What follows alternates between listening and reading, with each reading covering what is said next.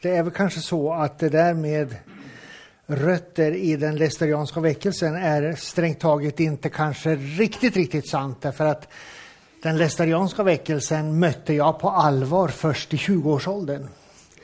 Men, men inte, inte från min barndom. Men jag kan säga så här att, att det eh, andliga arv som jag då mötte i övergången mellan ungdomsliv och vuxenliv det betydde då oerhört mycket för mig. Alltså där, där en så här, väckelsetraditions allvarliga utmaning till omvändelse och personligt kristenliv och också, ska vi säga, den lästerianska traditionens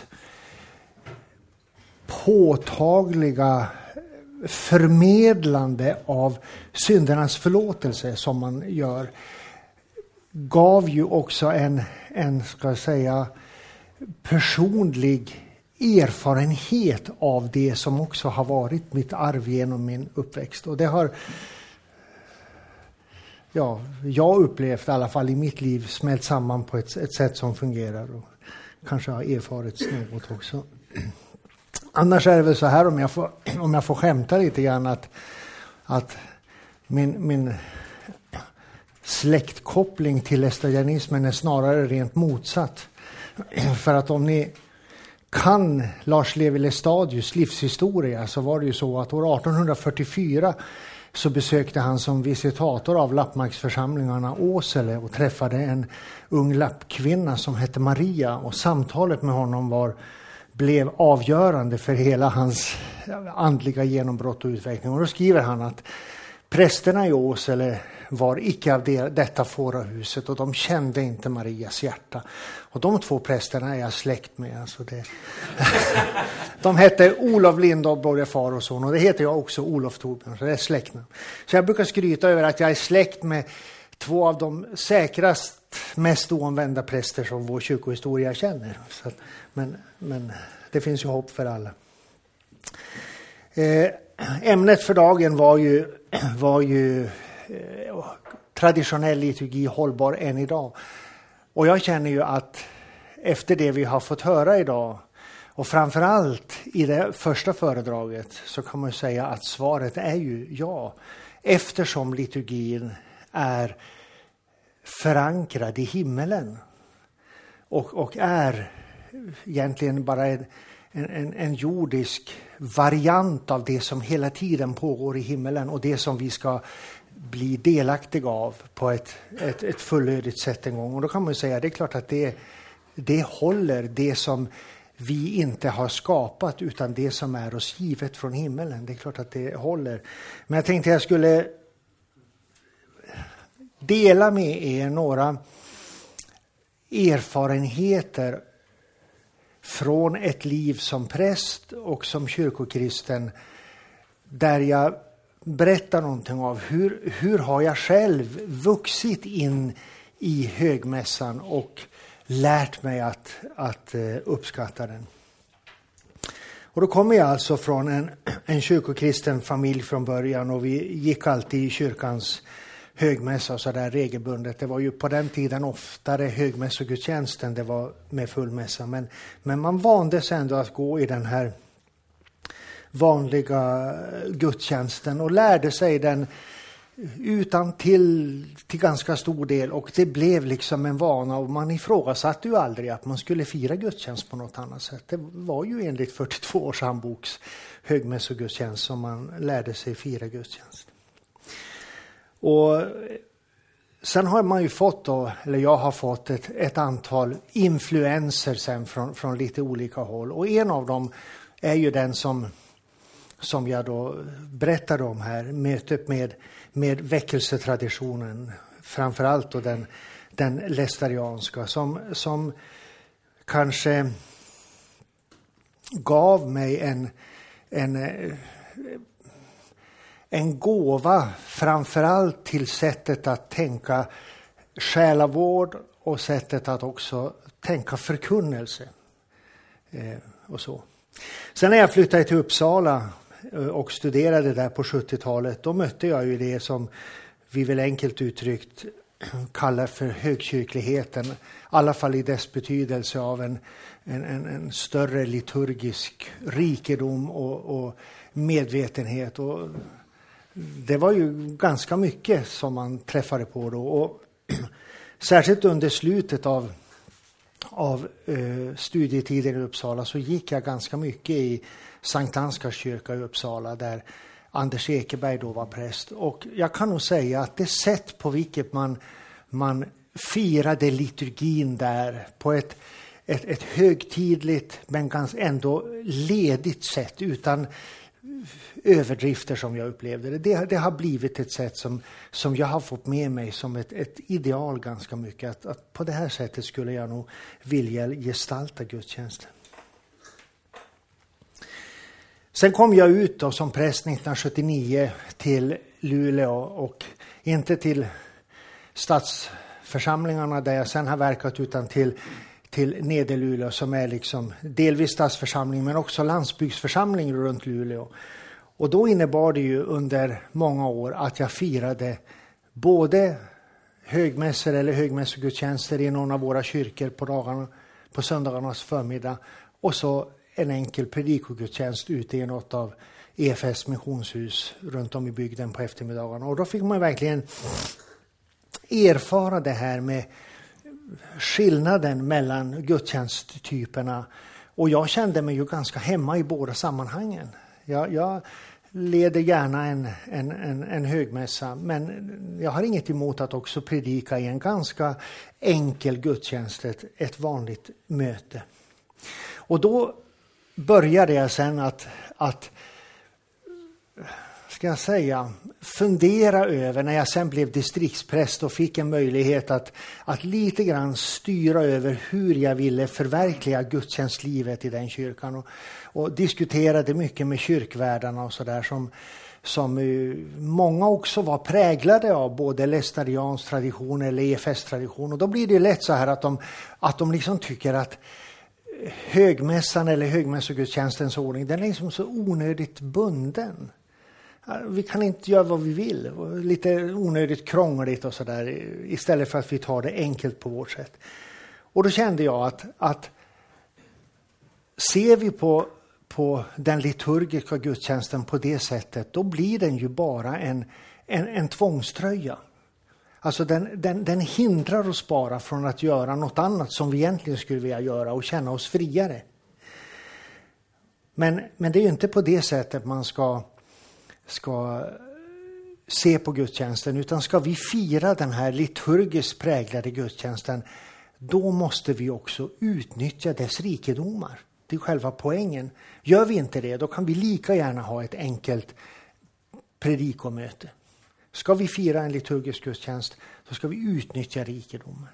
Och rikedomen i liturgin, det tycker jag då är, är Eh, förutom själva mässfirandet naturligtvis, men, men i själva skeendet så är ju rikedomen detta att det ger en ganska stor möjlighet för människor att vara aktiva.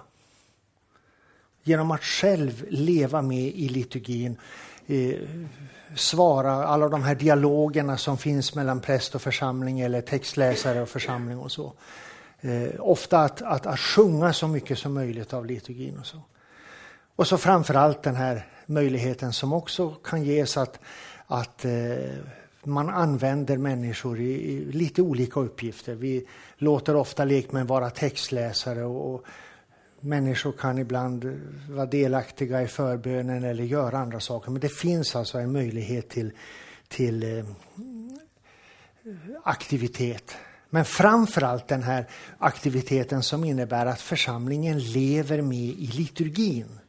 Det tycker jag är rikedomen och utnyttjar man inte den då, då blir alltså högmässan egentligen bara en, en bundenhet till en viss ordning. kan vi lika gärna ha ett enkelt möte. Om, om församlingen ändå bara sitter tyst och lyssnar och är åhörare bara, då kan de lika gärna vara det på ett EFS-möte.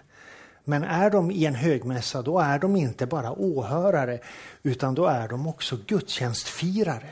Alltså, de är liksom gudstjänstens subjekt, så att säga. Och, och, det måste man utnyttja om det då ska vara liksom någon någon idé med den liturgiska gudstjänsten.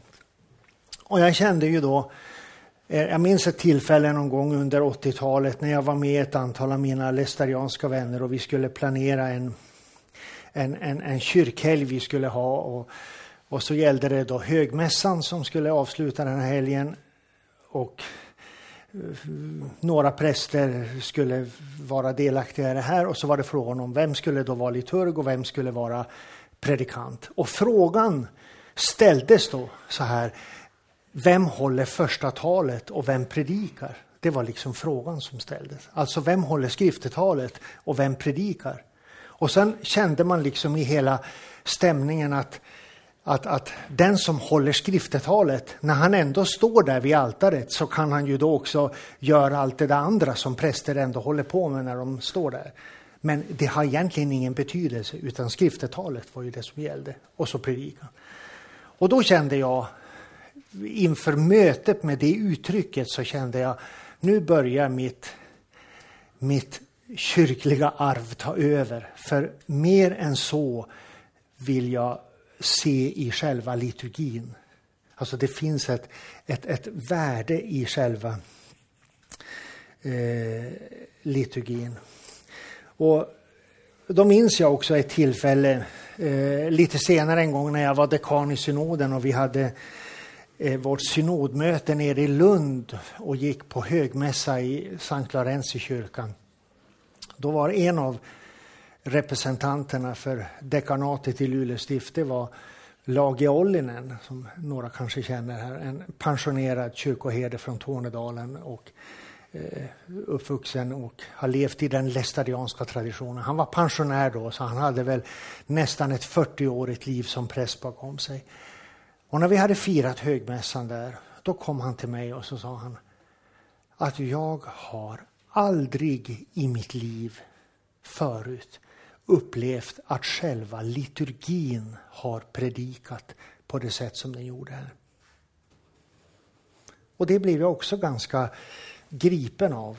Att, att det finns någonting som är så starkt i själva liturgin så att den också verkligen talar. Och samtidigt kan man säga att det är tråkigt att vi har så, ska vi säga, utslätade liturgiska traditioner på många ställen i vårt land. Att man kan vara präst i årtionden utan att egentligen ha sett den här rikedomen. Men han uttryckte det så. Jag har aldrig upplevt det på det sättet eh, förut. Och det är väl det som jag också själv har eh, då mer och mer börjat uppleva att så att säga liturgin själv eh, talar och har ett värde. Den är inte bara det som man annars lätt upplever i de särskilt lågkyrkliga bygder som jag är i närheten av. Där det liksom bara är före och efter predikan. Men det är egentligen ingenting. Utan själva liturgin talar. Och då får jag väl säga sen att i dessa yttersta av tider så fick jag ju uppdraget att, att i SPT recensera Bengts bok Stjärnor i Herrens hand. Och där Bengt fanns ju en, en formulering som jag också skrev i recensionen som, som jag tyckte var otroligt stark. Och nu minns jag kanske inte ordagrant, men det var ju något om det här att skillnaden mellan en en traditionell liturgi med rötterna i fornkyrkan och ett möte, det är att i mötet måste man tala om Guds närvaro, men liturgin realiserar den. Det var ungefär så. Och, det, och det, då kände jag att, att, att den formuleringen eh, var exakt det som jag egentligen har börjat bära på under lång tid, men inte själv förmått, förmått uh, uttrycka utan vuxit i. Men det var som att det, det, det, det blev facit på 30 års fråga. Man säger. Och eh, eh, Sen är det ju så då med, med, med liturgin, det lärde man sig ju redan när man eh, läste i Uppsala, att, att framförallt inom ortodox tradition, där där ses ju liturgin också som en, en, en, en berättelse om Kristi liv på olika sätt. Och, och, bland annat så lär man sig det här att, att när evangelieprocessionen kommer och man bär evangelieboken ut i församlingen, då är det en slags bild av hur Kristus som tidigare under sitt barn och ungdomsliv varit mera fördold nu offentligt träder fram i samband med sitt dop och sin invigning till sin, sin frälsaruppgift och på annat sätt. Och när jag började fundera över det här då, då väcktes också liksom tanken hos mig hur, hur, hur man liksom kan se Kristi liv genom högmässoliturgin. Och jag vet inte om det jag plötsligt tänkte och tyckte mig såg är väldigt påhittat. Men jag tyckte att, att, att en, en, en linje utav så att säga, lärjungarnas vandring med Jesus, den, den finns liksom i, i, i, i liturgin på något sätt. Och då kan man säga att, att eh, eh, liturgins inledning med, med syndabekännelsen. Nu vet ju vi historiskt sett att skriftemålet ju är en, en, en separat gudstjänst som har flyttats in och det har fått, funnits många diskussioner om hur, hur det kan göras. Men jag, jag känner så här att, att den fungerar ju på ett sätt som en slags eh, portal eller som en, en, en rubrik över hela detta som, som ska ske. Eh, att vi omedelbart får, får bekänna det som vi är, att vi är syndare och att vi får förtrösta på, på Kristus som är den som, som skänker oss förlåtelse. Även om det också dröjer ett tag in i, in, in i liturgin innan vi också får erfara detta på ett, ett fysiskt sätt i själva kommunionen där vi tar emot frukterna av Jesu död och uppståndelse i hans, hans kropp och blod. Och jag känner att om man tänker på hur, hur lärjungarnas vandring med Jesus är presenterad, till exempel i Lukas evangeliet så finns det ju en, vid Petri kallelse där och fiskafänget så finns ju redan i början ganska snabbt den här erfarenheten. Gå bort ifrån mig Herre, ty jag är en syndare, säger han ju när, när Jesus har välsignat eh, fiskafänget. Men jag tror vi alla ändå har lärt oss att tänka att, att det också för Petrus samtidigt var en, en, en, en, lång vandring in i, i att att också erfara mötet med Jesus på ett, på ett djupare sätt. Och vi som har läst stengrunden vet ju den här prästen som får en hälsning av bonden i byn att han ska läsa ordet av Jesus till Petrus att när du en gång har omvänt dig så styrk dina bröder. Och, och kanske är det så att den gången när Petrus har förnekat Jesus och står verkligen inför den som, som är i centrum av sin frälsareroll när han begynner sitt lidande. Den gången, när Petrus förnekar, då erfar han säkert ännu mycket djupare än i början av sin vandring. Herre, jag är en syndare. Och när vi sen, när vi sen firar liturgins början, alltså den traditionella högmässans början med, med Herre förbarma dig, så är ju det egentligen hela världens rop. Och man skulle kunna säga att här slår vi liksom fast vad hela världen behöver och vad vi alla behöver. Vi behöver att Gud förbarmar sig över oss. Och samtidigt är ju det här det ropet som återkommer gång på gång på gång i evangelierna. Så det här ropet ställer oss ju direkt så att säga som, som en i skaran av alla dem som har nalkats frälsaren med sin nöd, sina bekymmer, sin plåga, vad den än är och sagt Herre Davids son, förbarma dig över mig. Och så gör så att säga själva bönen, den, den verkligheten levande för oss. Så att det är som att vi är en av de här som ropar till Jesus, Herre förbarma dig. Men när vi sen kommer till, till Gloria och Lauramus, då är ju det de händelser som är kring Jesu födelse. Det är ju änglasången.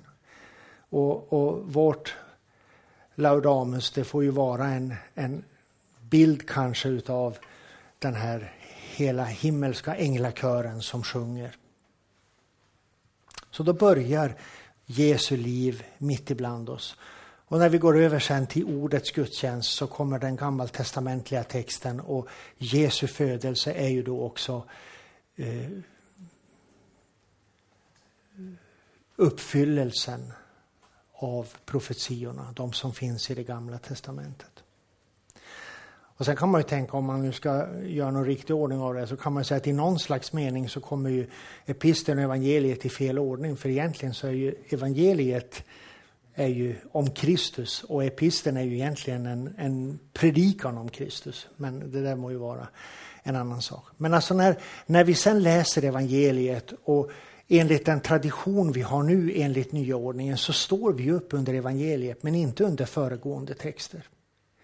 Och i det ligger ju också en, en, en poäng, nämligen om man, om man har den här synen som jag tidigare nämnde, nämligen att detta skeende i liturgin också får symbolisera Kristi offentliga utträde i världen. Och jag vet ju att vissa har varit kritiska mot det här att den nya ordningen innebar att man sitter ner under första texterna. Därför att det kan tolkas på det sättet att, att vi inte räknar gammaltestamentliga texten och episteltexten som Guds ord på samma sätt som evangeliet. Men, men det, det, är ju inte så man ska tänka det här skeendet, utan när vi står upp under evangeliet så står vi också inte bara upp för, för texten, för själva evangeliet, utan vi står upp för Kristus själv. Det är Kristus själv som kommer till oss och, och, därför ställer vi oss på samma sätt som vi ställer oss upp när vi tar emot välsignelsen. Därför att när prästen uttalar välsignelseorden så kommer ju Herren emot oss och det är därför vi står. Och jag vet att i eller hade, har berättats för mig att i, i Sankta Klara kyrka i Stockholm, där har de ibland traditionen att, att före evangeliet sjunga någon sån här halleluja bibelkör som vi lärde oss sjunga redan på 70-talet. Man sjunger halleluja och sen Jesus lever och sen Jesus kommer och då börjar man gå ut i processionen. Och då känner jag så här att, att om vi då har gestaltat att Kristus börjar uppträda i världen offentligt så blir ju predikan då sen en, en det blir liksom hans offentliga liv. För det är det vi predikar om. Det är det vi förklarar, det är det vi har läst i evangeliet och det är det vi förkunnar. Vi pratar om Kristus, hans, hans ord och hans gärningar och, och allt vad han gör. Och då vet vi att när, när Jesus har varit i den här offentliga tjänsten under en tid och han eh, samlar sina lärjungar så frågar han ju dem. Vem säger människorna att Människosonen är och vem säger ni att jag är? Och Petrus bekänner att du är Messias, den levande Gudens son. Och när vi har hunnit dit i liturgin, då bekänner vi också vår tro. Då bekänner vi också vår tro. Och jag vet inte om ni tycker att det är alldeles för, för, för krystat och övertolkat, men plötsligt så tyckte jag att det var någonting som liksom stämde. Och när, när sen Jesu liv fortsätter så vet vi att vi brukar säga, i alla fall enligt de synoptiska evangeliernas berättelse, att här blir det liksom en, en, en så att säga, vändpunkt i Jesu liv. Han, han eh, predikar inte eh, på riktigt samma sätt och det är inte lika fokus på hans under längre, utan han säger nu går vi upp till Jerusalem. Så blir det plötsligt ett, ett, ett annat fokus och inriktning mot, mot frälsningens centrum. Och vad vi gör i liturgin vid den tidpunkten det är ju att vi börjar tillreda mässan. Och när, när vi sen sjunger i, i helig, det som också är en, en tydlig avspegling av, av den himmelska gudstjänsten som vi fick höra idag och en återklang av, av eh, serafernas sång i Jerusalems tempel enligt Jesaja så sjunger vi också välsignad vara han som kommer i Herrens namn, Hosianna höjden. Och då är vi också med vid intåget i Jerusalem. Och det var ju Bosse, min kompis, som påtalade det för mig när vi var på ett oasmöte en gång och sjöng den här enkla, det är väl psalm 685 eller vad det är, psalmboken, helig, helig, som lite med ungdomlig ton när, när man skulle sjunga helig i mässan. Men i den finns inte med det här det, välsignad vare han, utan det är bara helig. Och, och då sa ju Bosse till mig att, att, så här kan vi ju inte sjunga, för då, då, då, då hoppar vi över intåget i Jerusalem. Och plötsligt har jag känt hur, hur, hur viktigt det är att vi liksom inte fuskar med detaljerna, va? Utan, utan det som är oss givet, det, det ska också vara med. Och när vi sen läser eh, instiftelseorden och ber nattvardsbönen så är det klart att vi är någonstans vid, vid, eh, vid, vid korset där hans kropp offras och hans blod utgjuts. Det som vi får delaktighet av sen i, i kommunionen. Och när vi sen, om vi har en sån fullödig liturgi, vilket jag gärna har, då vi också ber om den heliga Ande över oss, så påminner vi oss om pingsten.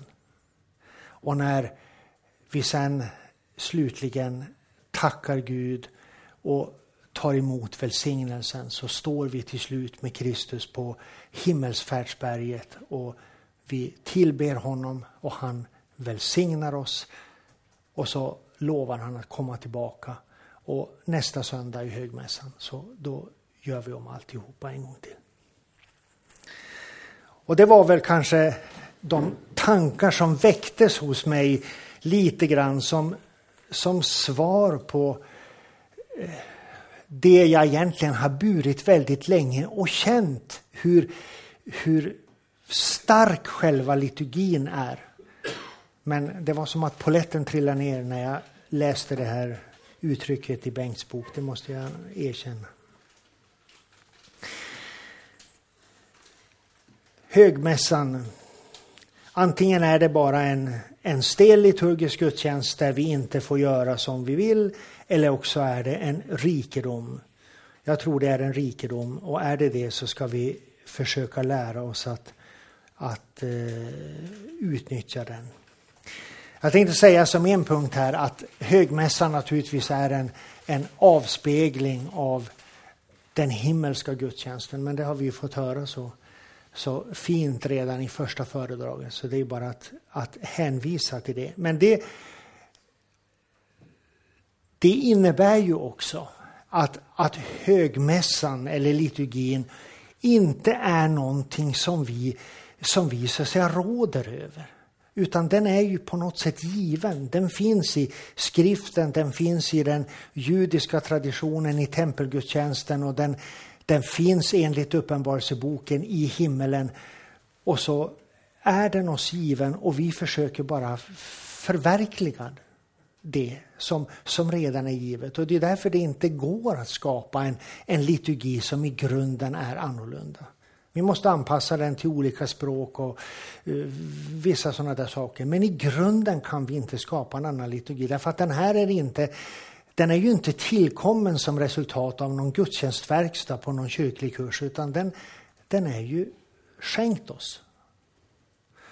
Och eh, vi skojade lite grann Bosse och jag och sa att, att, att vi brukar ju säga att, att när vi firar mässan och när vi faller på knä vid altarringen då är också de heliga i alla tider med på andra sidan. Vi brukar ju säga så. De som vi inkluderar när vi sjunger Vi vill med dina trogna i alla tider prisa ditt namn.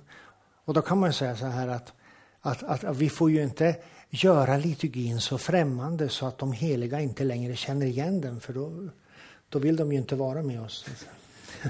Far de någon annanstans. Sen är det ju så här att, att det är ju ingen tvekan om att, att, att högmässo, högmässan är ju i grunden det troendes gudstjänst. Och, och då är det väl så att vi under ganska långa tider har, har tappat det. Särskilt i arvet från den tiden när det var kyrktvång och när de flesta människor gick i kyrkan och det satt också en massa människor där som varken var personligt motiverade för att leva i gudstjänsten eller ens omvända. Ja, det är klart, då blev ju också högmässan det tillfället när prästerna hade större delen av sin församling framför sig. Och, och gudstjänsten blev ju också då rätt mycket ett väckelsemöte. Man måste ju predika uppväckelse för de människor som så att säga, fortfarande eh, lever i syndens säkerhet. Ehm, och det arvet har ju vi fått med oss också väldigt starkt eftersom våra eh, kyrkoväckelser har liksom uppstått egentligen ur, ur, den traditionen. Men det har, kanske, det har kanske gjort ibland att vi lite grann har just hamnat i den här fållan. Att det är predikan bara som är så viktig och vi har, vi har förlorat den här möjligheten att låta högmässan vara egentligen det troendes och det bedjandes gudstjänst. Och sen är det naturligtvis alltid så att vi, vi, vi måste predika för alla som är där. Det, så är det ju. Och I den här landsändan så har det ju levt starkt det här med hur ordet ska tillämpas på olika kategorier människor. Och så, och så måste det alltid vara. Sen eh, innebär ju det här att, att eh, eh, detta att att leva i gudstjänsten, det innebär att, att vara bedjare. Och, och, Det är så man lever med i gudstjänsten, genom att man är med och ber. Och då ber man i de former som liturgin ställer till bud. Och jag vet att vår för, för, förre biskop i vårt stift, Gunnar Weman, han, han förmanar ju alltid prästerna oerhört strängt eh, på en i och för sig yttre detalj men som, som betyder egentligen mycket, nämligen att han sa att ni får aldrig hälsa människor välkomna till en högmässa. Därför att gör ni det så förstärker det bilden av att de som kommer är åhörare till någonting som vi här framme på scenen producerar. Och det, det mönstret ska vi ha bort. Utan, och det är därför vi också använder det här uttrycket att vi är gudstjänstfirare. Möjligen är vi deltagare, men vi är absolut inte bara åhörare. Utan vi är gudstjänstfirare. Och eh, när jag då har ämnet att säga någonting om den här liturgin är hållbar än idag så, så är det väl så då att, att, att högmässan för det första, när den, när den lär människor att leva i liturgin så lär den också människor mönstret för det kristna livet. Man lär sig att leva i liturgin, lär sig att bli en bedjare, så lär man sig också mönstret för, eller egentligen hela det kristna livet. Och då är ju också en, en fördel med högmässan jämfört med, med det mera enkla mötet som våra lågkyrkliga traditioner har. Det är ju också möjligheten till, till aktivitet. Och det kan vara dels det att, att man medverkar på olika sätt med uppgifter som textläsare eller bedjare eller förebedjare eller något sånt. Det, det kan vara. Men framför allt detta att man är aktiv genom själva eh, liturgin. Och jag kan väl säga att det har väl mest av allt varit målet för mig under alla år som präst. Att göra församlingen aktiv i det som sker. Och därför så eh, har jag också försökt att, att införa möjligheten att sjunga saker och ting i liturgin som går att sjunga växelvis och sådär. för att det, det, är lättare för folk att, att eh, bli delaktiga i det. Sen är ju fördelen med, med högmässan också att den kan göras väldigt stor eller väldigt liten så att säga. En, en, en högmässa på ett oasmöte som jag är med på ibland, det, den kan ta två och en halv timme. Nu beror det ofta på att kommunionen tar väldigt lång stund och det är mycket förbön och det, det är naturligtvis en lång stunds lovsång och sådär också. Va? Men det, det, det, det, kan vara stort i både mängd människor som deltar men också i längd. Men en, en riktigt komplett mässa kan också vara oerhört kort, även om den är helt komplett. Alltså man kan, eh, framförallt om man, om man plockar några salmer och, och, så där, och läser texterna på raken så kan du faktiskt fira en komplett högmässa med tre textläsningar på 30 minuter. Så att det går ju att ha en, en riktigt komplett mässa även som, som veckomässa. De behöver inte vara så där jätte, jätte förkrympta. Och sen kan det ju också varieras i, i stil. Och en variation som väl vi kanske är vana vid att ha det är ju hur mycket utrymme vi ger för predikan. Är det levande väckelsetider och det är stark inspiration av den helige Ande så kan predikan på ett levande sätt få ta ganska lång tid. Men vi kommer också i tider där det är kanske torrare också inom oss själva. Och när vi inte orkar ge predikan den centrala platsen så bär ändå liturgin. Och jag, jag, tycker att om ni har hängt med lite grann i den här debatten om, om frikyrkligheten som Sifri Deminger drog igång i dagen så är ju hans skriverier typexemplet på detta med vad man tappar när man i grunden bara har det här enkla mötet som helt hänger på så att säga, de medverkandes egen inspiration. Så att säga, det ska finnas ett, ett, ett lovsångsteam och en och så vidare, olika medverkande. Och när det liksom försvinner, då, då finns ju ingenting kvar. Men, men, vi har ändå själva liturgin kvar som kan bära också på ett väldigt enkelt sätt och den kan bära ganska få människor och den kan bära oss över till nästa tid när den helige Ande är mer på färde och både bönen och förkunnelsen eh, liksom eh, ljuder starkare. Och det här är ju en sak som, som jag också blev uppvuxen med att man alltid sa det när vi barn och ungdomar ifrågasatte varför ska vi alltid ha tråkiga högmässor som alltid är likadana jämt, jämt, jämt. Då sa ju de äldre prästerna till oss att det är exakt så här att, att formen som vi hela tiden odlar, den förmår bära oss när de torra tiderna kommer. Och det tyckte man det var ju löjligt. Men det är väl min erfarenhet idag att, eh, att det är så.